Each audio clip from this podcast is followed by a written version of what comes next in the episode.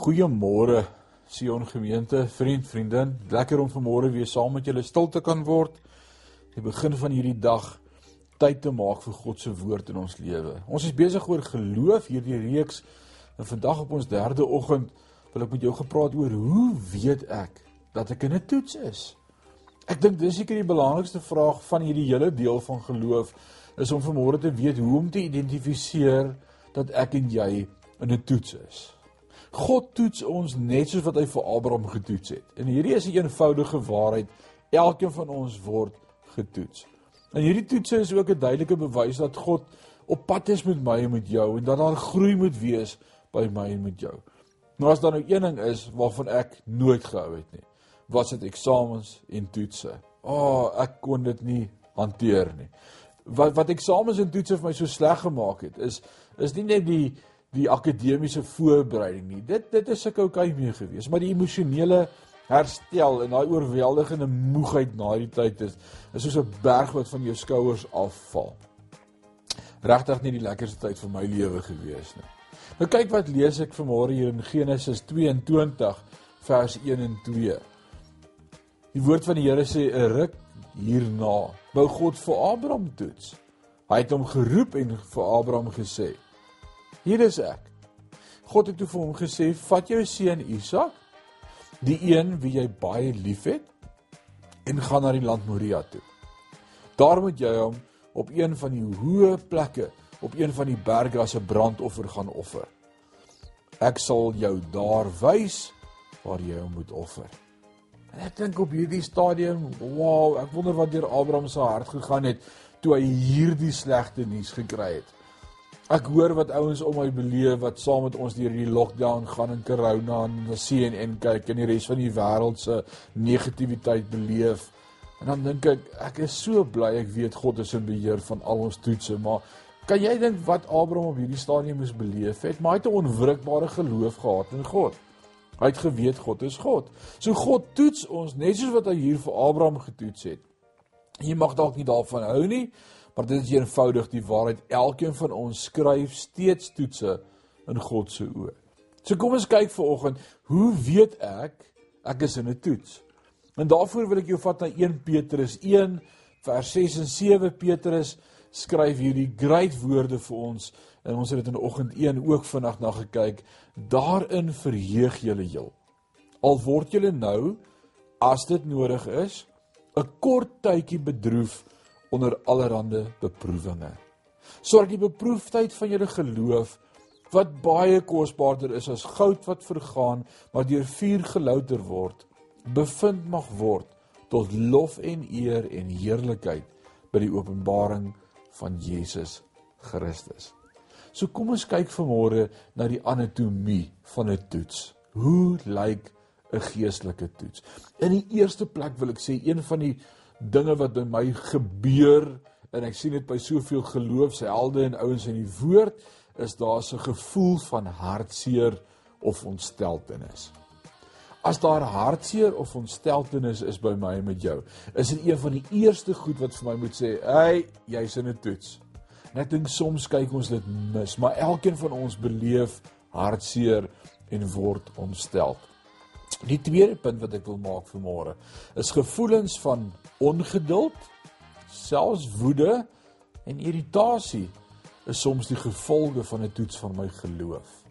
As ek hierdie dinge bespeur by my, ongeduld, woede, irritasie, dan moet ek en jy besef, hey, ons is besig om eksamen te skryf. Ons is in 'n toets. En dis hoekom ek so reageer. Die derde punt wat ek vir myself uitgeklaar het in my lewe eh, is hoe ek voel gaan 'n groot invloed hê op die wyse wat ek reageer. So my gevoelens, my emosie het alles 'n invloed op hoe ek reageer, my reaksie. So ek moet my emosie moet ek onder beheer hou. Ek moet ek moet reg praat, ek moet woord eh, woord uh, spreek en in die woord wees want dit gaan my reaksie beïnvloed en as ek emosioneel gaan raak, gaan ek die verkeerde reaksie na vore laat kom. En die vierde punt wat ek vir myself skryf is: vind uit watter oortuigings God besig is om te toets. Die Engels sê the beliefs of the attitude of viewpoint of idea of thinking of way of life, die values. Wat toets God? As ek in daardie ongeduld, woede, irritasie, hartseer, emosie, belewenis dan dan weet ek okay maar God toets iets. Maar ek en jy het vanmôre nodig vir mekaar te sê wat toets God? Ek dink in hierdie tyd waarin ons nou lewe, moes ek al vir myself uitgemaak het, wat is God besig om te toets? En ek dink vir my moes ek uitmaak, God is besig om my vertroue op hom te toets.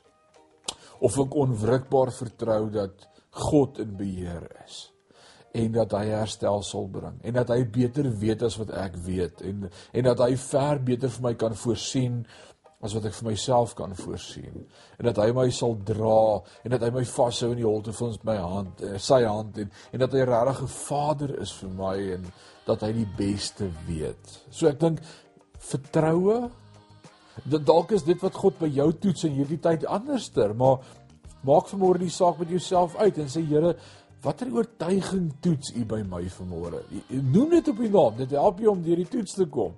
Om te weet ek skryf toets oor God se voorsienigheid. Dat God vir jou beter kan voorsien as wat jou besigheid vir jou kan voorsien.